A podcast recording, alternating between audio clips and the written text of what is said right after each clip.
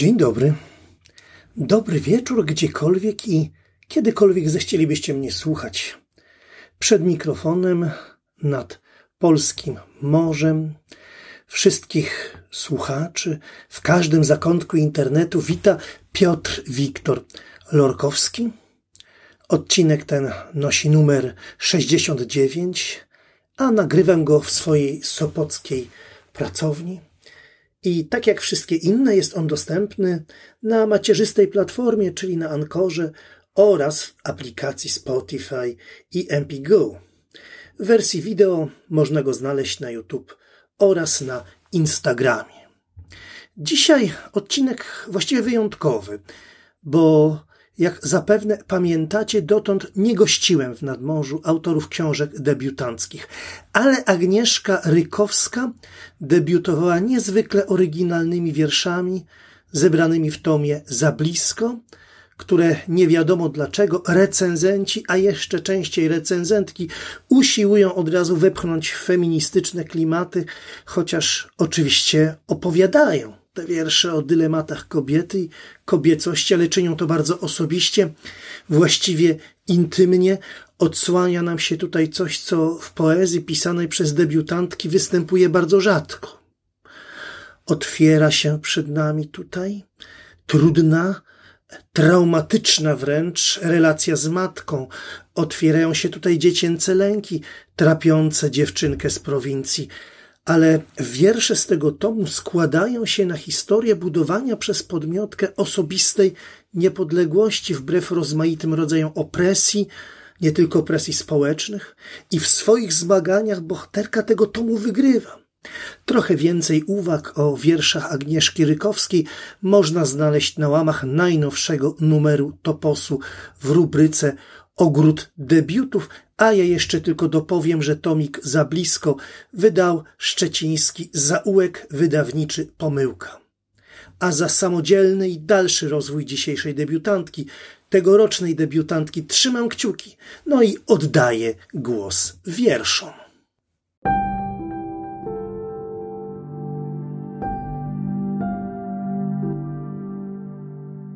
Co dała matka dziecku? Dziecko ma domek w pokoju między szafą a ścianą, bez drzwi i okien. Zawsze otwarty, choć czasem trudno do niego wejść.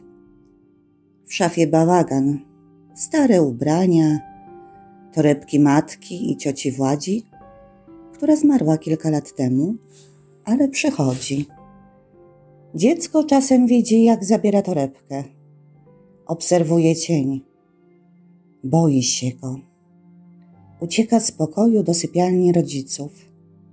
Zasypia, wynurza głowę spod grubej kołdry uszytej z myśli. Kołdra jest ciepła. Dziecko szybko się nagrzewa, poci, ale czasem równie szybko marznie. Wtedy matka wyrywa je ze snu, krzyczy kra, kra. Przez pokój przelatuje stado ptaków. Gołębie, kanarki, kuropatwy, defilują pawie. Dziecko nie rozumie pawi, lubi kuropatwy, z jedną nawet się zaprzyjaźniło. Pewnego dnia pobiegło za nią. Ptak pokazał przestrzeń, zboża, fale łąk, polne kwiaty i bezchmurne niebo. Dziecko poczuło smak świeżej, zimnej ziemi Wysoko rozległo się głośne kra, kra. Zobaczyło kruka. Tylko dziecko zobaczyło. Zabrudzenia. Chłopaki budowali stodołę. Chciałem się podobać, szczególnie Walusiowi. Mówił, Jagusia, ubrudziłaś się. Kłamał a ja wkładałam co chwilę nowe sukienki. I tak zostało do dziś. Ciągle czekam na Walusia, że coś powie. Wciąż pytam i pukam w poplamionych wierszach. Śniłaś mi się.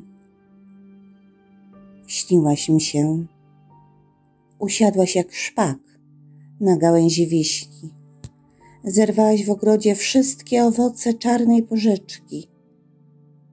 Byłaś głodnym rekinem, a ja skulona obijałam się w twoim brzuchu. Przyjechałaś odwiedzić dom, nie mnie, dotknąć każdy detal martwej natury. Ja byłam zbyt żywa. Śniłam, że zaprosiłaś do naszego domu złodzieja. Oczyścił pokoje z pamiątek. Zgarnął z komody zdjęcia babci. Puste miejsce zasłoniłaś serwetką, stawiając na niej krzyżyk z Jezusem. I słychać było długie sss, jak syk węża. Zasilanie. Jesteś dziwką, powiedziała mama. Na walentynki leci Frantik. Potem słuchamy Grace Jones. Zastanawiam się, czy sygnał na końcu piosenki nie pochodzi czasem z karetki, która nas stąd zabierze. Rozmawiamy do północy, a może dłużej, mimo że lekarz mówi, pani musi się starać. Znów opowiadasz o byłych kobietach, ja o mężczyznach życia. Uśmiechasz się, bawisz żartami. Przy tobie papierosy to zwykły szajs. Za wszystko płacisz, nawet za chipsy. Wychodzę więc z tego niepoturbowana i nie ma już znaczenia, jak ona mnie nazwała.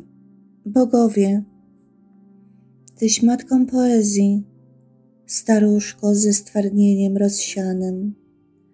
Z twoich ust płynie po brodzie niewymowna rzeka wersów, które kiedyś znałaś na pamięć, choć dziś brodzisz w nich. Staruszku z przemoczonym pampersem, tyś rzeźbiarzem poezji, którą trzymasz jak karabin.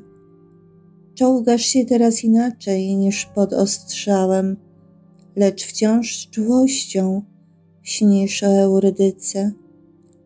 O staruszkowie, bogowie poezji, unosząc się nad zroszoną ziemią, odpływacie na wózkach z uśmiechem. Kropla za kroplą, kłaniam się wam, kłaniam. Blisko, za blisko do sklepu. Trzaskają drzwi samochodów. Ja pierdolę. Zbyt blisko do kościoła. Ksiądz zębone pulsuje. Oślepia światło z remizy. Disko rozsadza głowę. Warczy ciężarówka. Zaraz wbije się w ścianę domu i zatrzyma na środku pokoju. Eks już odjeżdża. Wyjmuje telefon komórkowy. Słyszę apel jasnogórski. Kurczą się ściany. Są blisko mnie.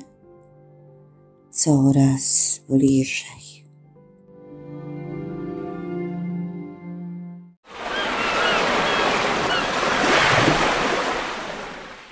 Dziękuję poetce za przyjęcie zaproszenia do mojej audycji, wszystkim polecam lekturę jej debiutu. Gdybyście w ogóle chcieli trochę dłużej pobyć z jej wierszami, to wśród notatek do tego odcinka znajdziecie link do tekstów opublikowanych w jednym z zeszłorocznych numerów Helikoptera Opt. Myślę, że także są warte znajomości. A na osobnym miejscu dziękuję wydawcom za kolejne nowości tomikowe. Zatem swoją wdzięcznością obejmuję Instytut Literatury, który przysłał mi naprawdę ciekawie zredagowaną antologię nowego dokumentu tekstowego 2021 zatytułowaną Pragnienie. To też książka, której z całą pewnością warto poświęcić kilka słów. Tej antologii towarzyszyły tomiki Wojciecha Kopcia, Przyjmę, oddam, wymienię oraz Futurystyka miejska Tomasza Wojtacha. Z kolei Maja Baczyńska przysłała mi zbiorek wierszo-prozy albo prozo-wierszy pióra dzikich. Mam nadzieję, że niebawem także ta autorka zaprezentuje u nas swoją twórczość. A zanim się z Wami pożegnam, wypada mi jeszcze zaprosić wszystkich na wystawę Alfabet Pomorskich Pisarek i Pisarzy, którą można oglądać przed gmachem Gdańskiej Wojewódzkiej i Miejskiej Biblioteki Publicznej. Oczywiście w śródmieściu Gdańska autorów na niej zaprezentowanych jest dwadzieścioro, a dziewiętnaścioro biogramów im poświęconych zeszłego lata zostało sporządzonych przeze mnie. Zdjęcia z tej wystawy znajdziecie na facebookowym profilu mojego podcastu i na Instagramie. A zupełnie już na koniec. Dziękuję wszystkim, którzy wysłuchali tego odcinka. Kolejny nad morze już niebawem jego bohaterem będzie bydgoski poeta Wojciech Banach. Z Sopotu z nadpolskiego morza, z samego środka sopockiej jesieni, wszystkich swoich słuchaczy pozdrawia Piotr Wiktor Lorkowski.